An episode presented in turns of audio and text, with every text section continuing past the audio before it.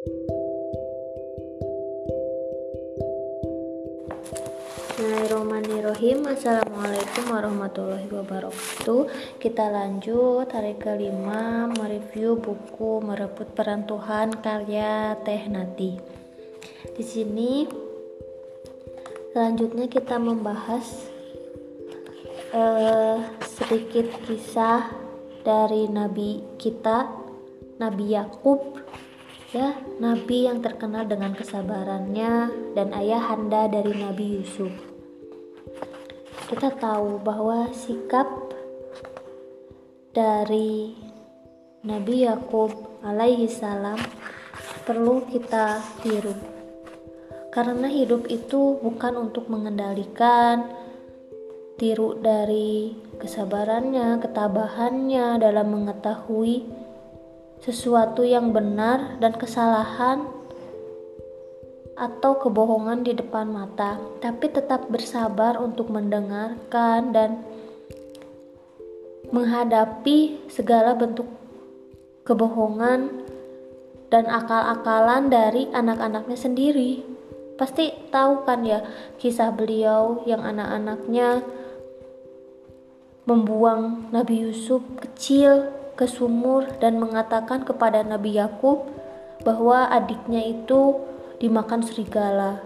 Padahal Nabi Yakub itu seorang nabi Allah. Otomatis segala sesuatu pasti ada yang diwahyukan malaikat dan Allah pun berfirman di dalam Al-Qur'an bahwa ya sesungguhnya Nabi Yakub itu sudah mengetahui kebenarannya dan kezaliman dari anak-anaknya yang lain saudara-saudaranya tapi beliau tetap tetap tetap tabah dan menerima apa yang mereka jelaskan.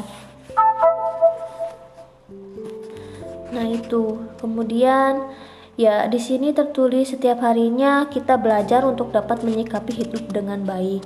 Bukan harus mengendalikan segalanya harus jadi baik.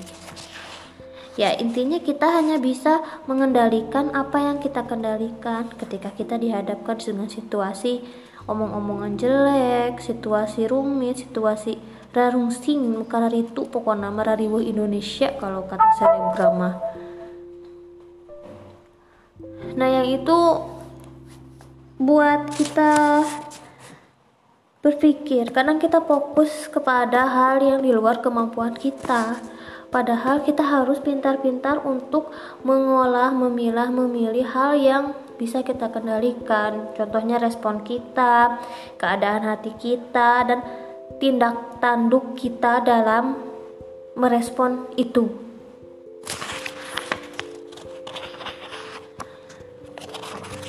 Nah, ada juga pepatah di sini yang membuat saya termenung Tikaman musuh melukai tubuh, tetapi tikaman kawan melukai lubuk hati. Yaitu pelajaran dari dari Nabi Yakub.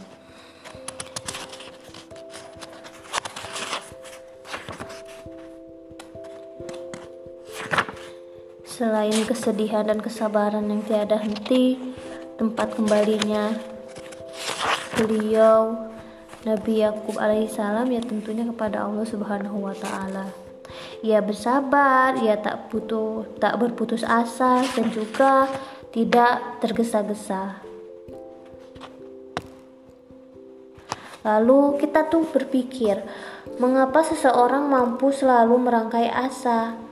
Ya, tak ada kata lain. Ia mempunyai rasa husnuzon atau baik sangka. Kita harus tetap mempunyai sikap baik sangka pada Allah Subhanahu wa taala. Selesai. Ini yang kelima.